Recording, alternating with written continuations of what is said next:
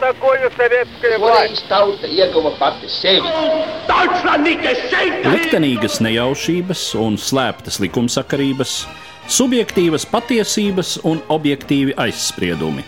Pēc atkušņa nekad nenāk uzreiz pavasars, bet sākās Arī šodien cilvēki ir ļoti tuvredzīgi. Viņi redz to naudu, kas ir. Televīzijā jau pamatā notiek cīņa par varu. Pagātne no šodienas skatu punkta un šodienas caur pagātnes prizmu. Raidījumā šīs dienas acīm. Katru svētdienu Latvijas radio eterā Eduards Liniņš. Labdien, cienījamie klausītāji! Šogad aprit simtā gadsimta kopš tika pieņemts un stājās spēkā mūsu valsts pamatlikums - Latvijas Republikas satversme. Pagājušajos gados es daudzkārt esmu pievērsies Latvijas Republikas satversmes vēsturei un arī tās tiesiskajam saturam, aplūkojot mūsu valsts likumiskā ietvara lomu un nozīmi Latvijas vēstures procesos.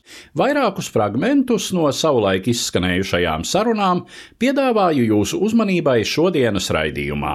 Vispirms fragments no sarunas ar konstitucionālo tiesību ekspertiem Gunāru Kusiņu un Jāni Lazdiņu. Jau pašos pirmajos dokumentos, arī tajos, kas ir pieņemti pirms 1918. gada 18. novembra, mēs varam redzēt, ka Latvijas valsts pirmie valsts vīri vēlējušies, lai Latvija būtu demokrātiska valsts. Un acīm redzot, tas ir kā pretstats tai kārtībai, kas ir pastāvējusi Latvijas teritorijā pirms tam. Un tas ir atbilstoši šo cilvēku izpratnē par demokrātiju. Es domāju, ka daudz no viņiem būtu ļoti pārsteigti par to, kāda ir demokrātija šobrīd un kādu viņš šo iekārtu iedomājos teiksim, 1917. gadā. Tur vairāk principi iezīmēs diezgan skaidri, ka viņai jābūt apvienotai, teritoriāli vienotai vienībai, jābūt sasauktai satversmes sapulcei, kas noteiks tālāko. Pamatprincipi lielā mērā ir atkarīgi no šo cilvēku izpratnes. Es gribētu nocitēt vienu pantu, tas ir otrais pāns, pirmā daļa no Latvijas Tautas padomus politiskās platformas, un te ir precīzi ir pateikts, ka republika uz demokrātiskiem pamatiem. Un šajā ziņā noteikti vienmēr jāatcerās tā valsts, kurā Latvija bija iekļauta pirms Latvijas valsts izsludināšanas, tātad tā ir Krievijas impērija. Un Krievijas impērija bija policijas valsts ar diezgan lieliem ierobežojumiem.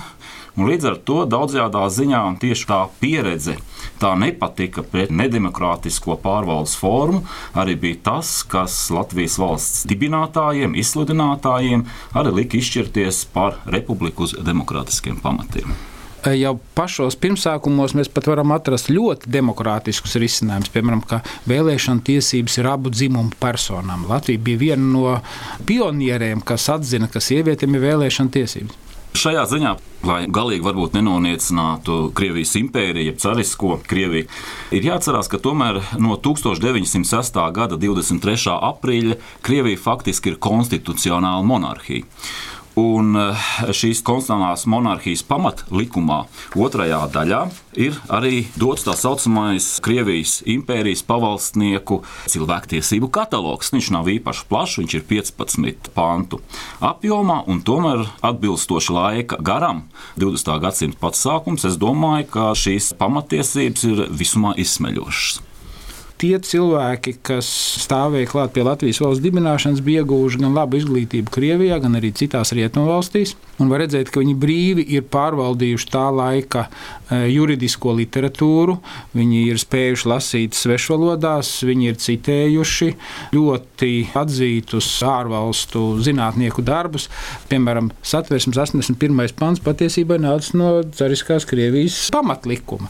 Tajā pašā laikā satversmes ievadvārdi ir tādā, varētu teikt, studentu kopiju paste režīmā pārkopēti no viena Veimāras konstitūcijas panta. Neapšaubām satversmes autori ir raudzījušies uz vairākām konstitūcijām - Šveices pamatlikumu, Veimāras konstitūciju. Arī Cariskās Krievijas pamatlikums ir izmantots, taču satversme neapšaubām ir latvisks, oriģināls dokuments. Tomēr man šķiet, ka varētu runāt par atsevišķām valstīm, kuras tomēr laikam ir vairāk ietekmējuši šo izstrādi. Nu, Pirmkārt, tā ir Šveices kantona valsts uzbūve, un kā mēs zinām, šajā valstī emigrācijā ilgu laiku pavadījuši daudz mūsu tautieši, arī Jānis Pliekšāns, jeb dzēnieks Rainis. Un uh, Jānis Pliekšāns ir Sanktpēterburgas juridiskās fakultātes absolvents. Neapšaubām arī Veimāras republika. Un, uh, es domāju, ka noteikti vēl būtu jāatzīmē arī Francijas konstitūcija.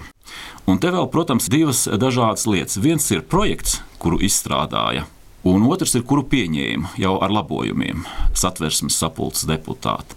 Ja būtu pieņemts projekts, es teiktu, ka lielāks uzsvars ir uz Šveices kantonu pieredzi un Vācijas Veimāras republikas konstitūciju.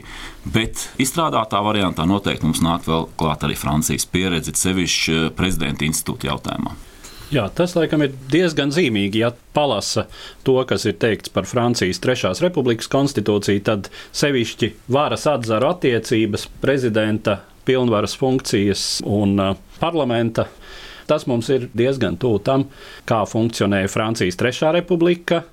Nevelti mēs jau pieminējām tautas padomi, kuru reizēm dēvē par Latvijas priekšparlamentu, partiju, politisko spēku pārstāvju sapulce, kura 1918. gada 18. novembrī deklarē neatkarīgas Latvijas republikas izveidošanu.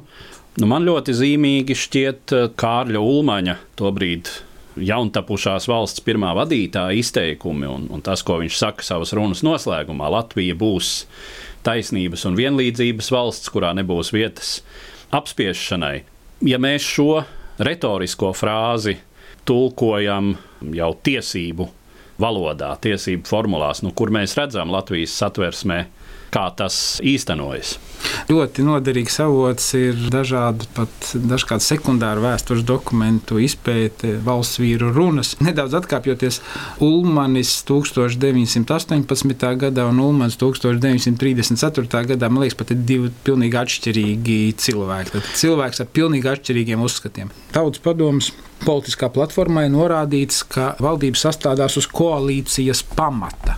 Tātad Latvijā, neskatoties, ka tā ir jaundibināta valsts, ir jau vairākas labi organizētas politiskās partijas, kuru viedokļi atšķirās, un jau no paša sākuma tautas padoma arī izveidojoties, saprot, ka viņi varēs pastāvēt tikai ievērojot koalīcijas principu. Līdz ar to šis samērs, šī proporcija un šis līdzsvara meklējums iekšējais ļoti ir ietekmējis visu pārējo. Es domāju, arī satversmes tekstu, kas nav ne atbilstoši zemnieku savienības sākotnējām idejām, ne sociāldemokrāta sākotnējām idejām. Es pat to negribētu saukt par kompromisu. Patiesībā tas ir tāds balsu vairākuma meklējumu rezultātā izveidots līdzsvars. Es uzskatu, ka daudzajā ziņā Kārls Ulmans 1918. gadā un 1934. gadā ir diezgan līdzīgs. Kāpēc? Ja mēs salīdzinām satversmes projektu un eh, tos grozījumus, kurus iesniedza 33. gadā Zemnieku savienība, tad viņi ir ļoti līdzīgi. Un viena no būtiskākajām lietām, kas šeit ir, tas ir tautas vēlēts prezidents ar tiesībām atlaist saimu. Es domāju, ka sociāldemokrāti, jeb kreisā spāņu deputāti kopumā bija vairāk orientēti uz kompromisu nekā Zemnieku savienība. Un līdz ar to, tam, kad eh, deputāts Nonāts nāca ar šo slaveno tēzi, ka saima ievēl prezidentu uz trīs gadiem, Viņi atkāpās no sava viedokļa par to, ka vispār nav vajadzīgs prezidents un piekrīt šim nonāca priekšlikumam. Savukārt Zemnieku savienība un citas tā saucamās pilsoniskās partijas, kā tajā laikā viņas dēvēja, viņas palika stingri pie tās pozīcijas, ka tautai ir jāvēl prezidents, un beigu beigās sanāca, ka viņiem bija dažas balsis mazāk un uzvarēja tā saucamais kompromisa priekšlikums. Jā, un es domāju, tieši šīs dažas balsis mazāk arī parāda to, ka akcepts ka šis ir labākais variants. Sabiedrībā nav. To izšķiršanos ietekmēja arī esošie apstākļi. Satversmes sapulces darbības laikā Latvijas valstī nebija atsevišķa valsts galvas amata, un satversmes sapulces prezidents toreiz eh, Čakskungs izpildīja arī valsts galvas pienākumus. Un es domāju, jo ilgāk viņš šos pienākumus izpildīja un varēja redzēt, ka var apvienot gan parlamenta vadītāju, gan valsts galvas amatu, jo radās uzskatāmāks piemērs, protams, ka sociāldemokrāti skaidri norādīja, redziet, ir ļoti labi funkcionējuša sistēma, kāpēc mums vēl vajag atsevišķu valsts prezidentu. Un pēla pilsonisko partiju pārstāvis, ka viņi grib atgriezties pie kaut kādas cariskās Krievijas monarha varas tikai tautas vēlēta valsts prezidenta izskatā. Līdzīga sistēma, kā satversmes sapulce Latvijā savādā kārtā bija no 90. līdz 93. gadam, kad augstākā padome, arī augstākās padomes priekšsēdētāja amats tika apvienots ar valsts galvas amatu. Jā, papildinot šo domu, tad vienmēr vajag atcerēties, ka Nikolais II Romanovs paspēja atlaist četras domas. Tas, es domāju, arī daudzajā ziņā iespaidoja deputātu viedokļus, ka nevar prezidentam dot šādas tiesības ārējo apstākļu ietekmē parlamentārisms toreiz bija ļoti populāra lieta, un satversme iznāca tāda, tāpēc, ka parlamentārisms bija populārs. Divas impērijas bija sabrukušas, Un likās, ka viena monarha vietā labākais, ko var ielikt, ir parlaments, kolektīvs lēmēju orgāns.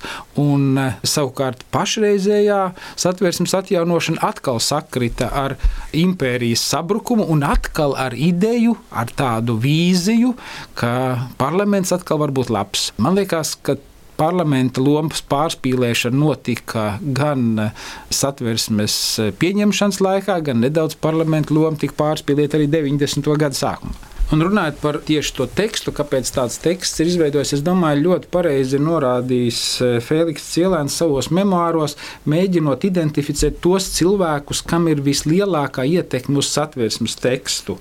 Cielēns ir norādījis, ka satversme ir kolektīvs darinājums, kur galveno darbu gan veikuši skujenieks un es, tad Cielēns. Tomēr pantu formulējumos aktīvi līdzdarbojušies Menders, Bergs un zināmā mērā arī Petrevits, Purgals un Šīmans. Un jāsaka, ka Šīmanim bija vēlāk liela nozīme arī tālākā attīstībā, jo Šīmans bija viens no tiem deputātiem, kas izvirzīja domu, ka Latvijai nepieciešama konstitucionālā tiesa, lai ierobežotu saimnes patvaļu pieņemt likumus, kas iespējams nav atbilstoši satversmei. Jā, kas galu galā īstenojās tikai 96. gadā. Starp citu, mēs pieminām Paulu Šīmanu, Vācu baltu izcelsmes jurists. Jā, un Šīmans kungs ir, manuprāt, Otrā lasījuma izskatīšanas laikā skaidri norādījis, ka Latvija ir nacionāla valsts, kura ievēro citautiešu kultūrālās autonomijas tiesības. Un šī man, manuprāt, ir ļoti liela nopelna, kas precīzi parāda to Latvijas valsts izteikti toleranto un cieņpilno attieksmi pret minoritātēm, kāda Latvijā pastāvēja laikā no Latvijas valsts dibināšanas līdz 1940. Eh, gada notikumiem. Jautājums, kas varbūt pašreiz mums arī šķiet aktuāls Latvijas unitārā valsts uzbūve. Satversmes sapulces locekļi vadījās no tiem iepriekšējiem dokumentiem, kur ir Latvija ir apvienota. Jāsaka, ka satversmes teksts neizslēdz autonomijas iespēju kā tādu. Nebūtu, nē. Viens reāls autonomijas jautājums ir Latvijas jautājums. Un, um, deputāti, kas pārstāvēja Latviju, liela un lielais vairākums tomēr uzskatīja, ka Latvijai ir nepieciešama autonomija. Un laikam viens no tādiem runas vīriem bija Trasuna kungs. Pirmām kārtām viņš min, ka 1917. gadā Meijerovits kungs un Zālīša kungs ir solījuši latgaliešiem, ja Latvija būs kopā ar Latviju, tad Latvija baudīs autonomiju. Kāda autonomija laikam tur netika izdiskutēts pilnībā, bet tāda doma esot bijusi. Otrs ir, kad Latvija vismaz 1917, 1918 un arī satversmes pieņemšanas laikā, tātad vēl 20. gadu sākumā, tiek uzskatīta, ka izglītības ziņā ir zemākā līmenī nekā pārējā Baltijas teritorija. Tātad dalās latvieši, baltieši.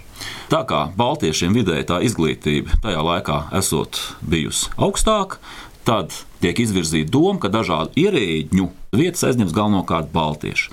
Nu, un, protams, jāņem vērā arī to, ka latgaliešiem nepatika tas, ka baznīca būs atdalīta no valsts, jo viņi uzskatīja, ka tās ir vienkārši komunistiskas idejas. Es arī gribētu teikt, ka satversmes sapulcē Latvijas pārstāvošie deputāti, nu, tā kā mūsdienu žargonā sakot, tika apspēlēti.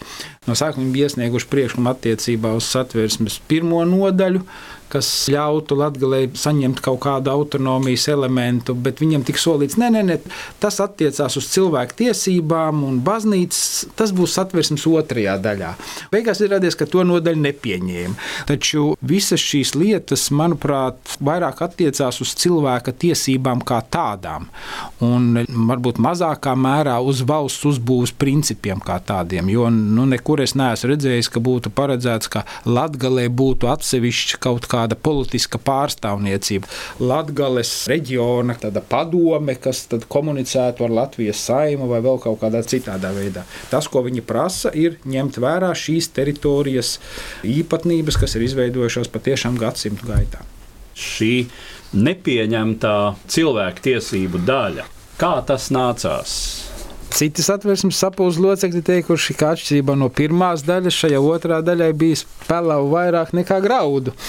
Bet eh, tajā pašā laikā nevar noliegt, ka satversmes sapulces deputāti ir diezgan rūpīgi piestrādājuši pie satversmes teksta. Mēs varam redzēt tam laikam ļoti progresīvas domas. Nāves soda Latvijā nepastāv. Mēs varam redzēt ļoti progresīvas domas. Taču šis atsevišķs balsu iztrūkums trešajā lasījumā neļāva šim dokumentam ieraudzīt dienas gaismu tādā veidā, kāda nepieciešams. Tad Latvijas satversme sauca rumpis bez galvas. Cilvēku tiesības, kas būtu svarīgākais, nav. Faktiski bija trīs klupšanas akmeņi. Pirmais klupšanas akmens bija, kad eh, baznīca radīta no valsts, kas nepatika galvenokārt latgaliešu deputātiem. Tad bija streika jautājums, kas galvenokārt nepatika deputātiem, kas pārstāvēja Zemnieku savienību nu, un zemnieku saimniecības līdz ar to. Un trešais ir tas pats Latvijas autonomijas jautājums. Faktiski tie bija tie trīs jautājumi, kas neapmierināja. Ja būtu balsots par katru pāntu atsevišķi, kā tas bija pirmajā daļā, tad faktiski šī otrā daļa stātos spēkā, nestātos spēkā tikai daži panti. Diemžēl balsoja par visu, un līdz ar to tas rezultāts sanāca, kāds nu viņš sanāca. Bet šeit ir bez nāves soda, ka nāves sods nepastāv. Te ir viens cits, manuprāt, nemazāk svarīgs nosacījums, Un tas bija 114. pāns, ka laulība dibinās uz abu dzimumu tiesību vienlīdzības principa. Ja šis pāns būtu stājies spēkā, tad visticamāk mums labi zināmajā 1937. gada civillikumā, nu, kas ar grozījumiem un papildinājumiem ir spēkā arī mūsdienās, bet 37. gada redakcijā tur bija ierakstīts, ka noteicošais vārds ir vīram vai tēvam ģimenes strīdos. Nu, visticamāk, ja šī norma būtu pieņemta, līdz ar to noteikti šāda ieraksta vismaz civilikumā nevarētu būt. Kas man pašam personīgi patīk, tad 115. nākošais pāns arī ir ierakstīts, ka latviešu valoda ir valsts valoda. Nu, to mēs gan tagad esam ierakstījuši Latvijas Republikas satversmē. Pēc tam, par ko iet starp citu diezgan um, liels, es neteiktu strīds, bet jautājums, kā to noformēt par to, lai garantētu bezmaksas izglītību. Tad šeit arī bija jau ierakstīts, ka ir bezmaksas izglītība, kad bērniem, jeb jauniešiem jāmācās kā minimums līdz 18 gadu vecumam. Un uh, nabadzīgiem tiek piešķirtas ne tikai brīvpusdienas, bet arī drēbes, lai viņš uz to skolu vispār varētu kaut kādā veidā aiziet. Jautājums, vai šīs otrās daļas spēkā nestāšanās, vai tam bija kāda būtiska ietekme tālākajos valsts politiskās attīstības procesos? Man liekas, ka tā laika juristi mēģināja mazināt šo trūkumu. Mēs varam redzēt, ka Dišlera rakstos, ka tam nav tik būtiskas izšķirošas nozīmes, un šīs tiesības var garantēt arī ar atsevišķiem likumiem, piemēram, preses brīvību, izglītības likumu. Taču ir pilnīgi skaidrs, ka tādā apjomā cilvēku tiesības, kā bija iecerētas satversmē, netika nodrošināts, un manuprāt, tas bija tāds būtisks trūkums. Tam es neapšaubām piekrītu, kaut vai atgādot atkal to 1937. gada civil likuma ģimenes tiesību daļu, kur tomēr netika nodrošināta dzimuma vienlīdzība. Zināmā mērā satversmes 82. pāns, kas tika pieņemts, tātad kā pirmās daļas pāns, atviegloja šo situāciju, un viņš atļaušos arī nocitēt, likuma un tiesas priekšā visi pilsoņi ir vienlīdzīgi. Nu, līdz ar to šis vienlīdzības princips tomēr ļoti precīzi tika gan deklarēts, gan pieņemts, gan arī mēģināts garantēt. Turpinājumā fragments no sarunas ar konstitucionālo tiesību ekspertiem Aivaru Enziņu un Jāni Plepu. Sarunā pievērsāmies satversmes liktenim starpkaru perioda Latvijas republikā, tās demokrātiskajā posmā un Ulmaņa autoritārisma periodā pēc 1934. gada. Satversmē tika izdarīts viens grozījums, tas ir 32. gadā, bet tas bija saistībā ar tautas nobalsošanu, referendumu ar barjeras noteikšanu, lai stātos balsojuma rezultāts spēkā. Otra lieta ir 1933. gadā Zemnieku savienība iesniedza satversmes grozījumu projektu, diezgan apjomīgu, kas paredzēja tautas vēlēt prezidentu, kas paredzēja samazināt saimnes deputātu skaitu no 100 uz 50, kā arī ierobežot pilsoņu vēlēšanu tiesības. Jo gan saimnes vēlēšanās, gan tautas vēlēt prezidenta vēlēšanās nevarētu piedalīties pilsoņi, kur ir sociāli apgādājumi. Kā arī tika pacelta vecuma barjera uz 25 gadiem, kad vēlēja prezidentu. Tāpat laikā bija arī piedāvājums paredzēt tautas tiesības ierosināt saimnes atlaišanu. Jāsaka, ka šis Zemnieku savienības iesniegtais projekts tālāk pie tā strādāja Saimnes publisko tiesību komiteja un noraidīja ierobežojumus, kas attiecās uz vēlēšanu tiesībām, bet atbalstīja tautas vēlēt prezidenta institūtu, un faktiski tas nonāca pat līdz otro lasījumu ieskaitot. Tas bija 1934. gada 8. maijā, kur saima daudzas labojumus atbalstīja pat vienbalsīgi vai ar noteikto vairākumu. Tālāk sekoja 15. maija un tika pielikts punkts. Ja šie grozījumi stātos spēkā, tad būtu jau tad paredzēta tautas tiesības ierosināt saimnes atlaišanu, tautas vēlēt prezidenta institūta ieviešana, kā arī saimnes deputātu skaita samazināšana. Tie varētu teikt, tie būtiskākie, kā arī pilnvaru laiks saimas un prezidenta. Uh -huh. Jā, tika piedāvāts pagarināt. Un šie labojumi tā arī nestājās spēkā, jo netika pieņemti galīgajā lasījumā.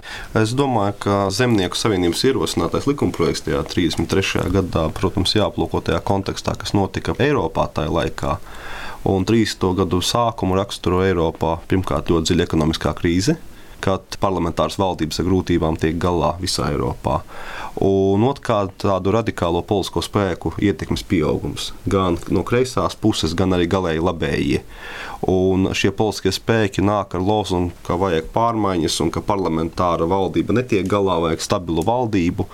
Un Latvijā tieši tāpat kā jebkurā tā laika Eiropas valstīm nāk politiskās kustības, kuras vainu ar konstitūcijas grozījumiem, kā Igaunijā vai apvērsuma ceļā, uztaisa šo autoritāro valdības modeli kad ir viens konkrēts saimnieks, kurš ir atbildīgs par valsts attīstību. Šajā projektā vai bija paredzētas arī kādas būtiskas izmaiņas prezidenta funkcijās? Paplašinātas prezidenta funkcijas bija, bet tas būtu izteikti prezidentālas valsts mhm. prezidenta funkcijas, to es nevaru teikt. Man šķiet, vienīgās izmaiņas, kas nāca, bija varēja atlaist saimu Nevis rosināt saimnes atlaišanu, bet atlaist saimu. Un man šķiet, ka varēja prasīt arī valdības locekļu maiņu. Lielāka loma pie valdības veidošanas. Jā. Bet būtu droši vien svarīgi tas, kurš tad būtu pirmais, kas tiktu ievēlēts tajā amatā. Protams, mēs varam iedomāties, ja teiksim, tiktu ievēlēts Kārls Ulmanis 34. un 35. gadā. Tā droši vien būtu viena tipa prezidentūra un tās tradīcijas izveidotos. Un es domāju, kurš tur varētu būt cits tāds populārs cilvēks, nu, kaut vai ģenerālis balodis, piemēram. Nu, tas skaidrs, ka viņš varētu būt tāds vairāk ceremoniāls, pieļauj. Tāpat laikā man liekas, ka arī Ulmaņa veiktais apvērsums varbūt arī liecināja par to, ka nebūtu viņš nebija ah. tik populārs tajā laikā, lai varētu cerēt uz, lai, lai, uz lai tiktu ievēlēts par valsts prezidentu. Jā.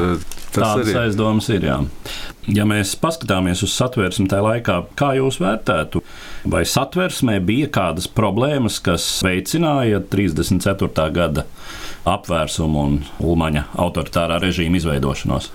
Es negribētu īsti piekrist, jo galu galā satversme paredzēja, ka suverēnās varas avots ir tauta. No satversmes kaut kāda ierobežojuma praktiski, man liekas, nepastāvēja. Tas vienkārši laikam tas demokrātijas līmenis un arī varbūt tas, ka šīs milzīgās pretrunas, kādas pastāvēja saimnes uh, ietvaros, varbūt arī radīja šos priekšnoteikumus. Ne tik daudz uh, kā trūkums satversmē. Kas notiek ar satversmi tajā brīdī, kad Ulmans kļūst par autoritāru valsts vadītāju? Oficiāli Ulmans apturēja satversmes darbību un solīja, ka tiks izstrādāta jauna satversme, bet eh, tas, diemžēl, arī nenotika. Varbūt arī eh, zināmā mērā tas ir tāds pozitīvs elements priekš mums, jo, ja teiksim, Igaunijā, Lietuvā satversmes līmenī tika šis autoritārais režīms nostiprināts, tad satversme bija apturēta, jauna netika radīta, un tas, varētu teikt, arī radīja šos priekšnoteikumus, ka mēs varējām atjaunot viens pret vienu 22. gada Latvijas Republikas satversmi. Ja mēs raugāmies uz Kālu Ulmani, tad viņš satversmes nozīmī laikam sevišķi augstu nevērtēja kā praktiskais politiķis. Un netika izveidota nec kaut kāda satversmes teiksim, rakstīšanas komisija, nec arī notika tāda aktīva darbība. Drīzāk pat varētu teikt, ka vēlāk valdībā pat sākās šķelšanās, jo gan Marģers Skujenieks, gan arī Jānis Balodis pēc tam bija spiest izstāties no valdības, jo viņi atgādināja Ulmanim par to solījumu dot satversmi. Bet, man liekas, praktiskās politikas laukā mēs redzam, ka parādās aizmeti, jo tiek veidotas kameras, kopējot tā laika Itālijas un Austrijas modeli, tiek veidota profesionālā pārstāvniecība, kas dod padomus vadonim. Attīstās šī ideoloģija gan par Latvijas autoritāras valsts principiem, Latvijas, ka Latvija viens vadonis un kā pat tiesība avots. Un varbūt tālākā projektā bija doma, kā to visu savilkt kopā vienā aktā, kaut kā uz režīma konstrukcijas noslēgumu. Es pieņemu, ka mēs raugāmies Eiropas kontekstā. Līdzīgs piemērs varētu būt Spānija, Franko, kurš arī ļoti ilgu laiku valdīja tā praktiski, un tad tuvojoties jau noslēgumam, tika kaut kādā veidā arī režīma pamatprincipi pierakstīti. Nocīm redzot, laiks bija diezgan īss jo sekoja jau visi šie starptautiskie notikumi. Varbūt, ja nebūtu 40. gads, perspektīvā kaut kas izmainītos, varbūt tiktu dot šī jauna satversme. Un tas man liekas interesanti ir ar satversmes piemērošanu. Jo, lai gan satversme bija apturēta, Albertam Kviesim atgādināja par satversmes termiņiem, ka ne vairāk par diviem termiņiem prezidenta amatā. Jo, laikam, ka Tulmanim bija izdevīgi, viņš tā kā par satversmi atcerējās. Nu, Neapšaubām, bet lietas būtībā ir tā, ka likumi, kas bija pieņemti, viņa darbojās, un vēl jau vairāk Ulmaņa valdīšanas laikā tika pieņemts tāds būtisks likums kā civillikums kurš ir spēkā arī vēl šodien ar grozījumiem, protams. Bet eh, ļoti būtisks darbs tika veikts pie normatīvās bāzes veidošanas un attīstības. Kā mēs varam vērtēt eh, civilu likumu un varbūt citus likumdošanas aktus? Vai šie likumdošanas akti atbilda satvērsmes principiem? Es domāju, ka atbilde, jo faktiski jau civil likums bija, varētu teikt, modernākais tajā laikā Eiropā. Arī zemes grāmatu likums pēc neatkarības atjaunošanas arī tika atjaunots, bet mēs atjaunojot neatkarību, atjaunojam arī spēkā daudz tā laika e, likums. Un jāteic, ka arī, lai gan šķietami liekas, ka tā kā autoritāra valsts un tur ulmaņa vienpersoniskie lēmumi, tā likuma projekta virzība ministrs kabinetā bija organizēta ļoti rūpīgi. Tur bija universitātes pasniedzēju tiesnešu apspriedes, kuras vadīja tieslietu ministrs. Tad bija apspriedes vēl pirms paša likuma projekta iešanas kabinetā, tā saucamā mazajā kabinetā, tad bija lemšana kabinetā. Un autoritāras valsts laikā tieši lielie likumu tādi, tā izdevumi patiesībā ļoti veiksmīgi tika izdoti. Jo, piemēram, pie civil likuma tika sākts strādāt jau tūlīt pēc republikas proklamēšanas 18. un 19. gadā bet parlamentārā laikā, mainoties ministriem, mainoties saimām, tas darbs kavējās. Un tieši pēc autoritārā režīma nodibināšanas, tieši civilikuma izdošana, man liekas, pārvērtās par tādu vienu no veiksmes stāstiem. Līdz ar to izskan mūsu raidījums, kurā pievērsāmies Latvijas Republikas satversmes tapšanai pirms simts gadiem un tās liktenim pirmajā Latvijas neatkarības periodā starp abiem pasaules kariem.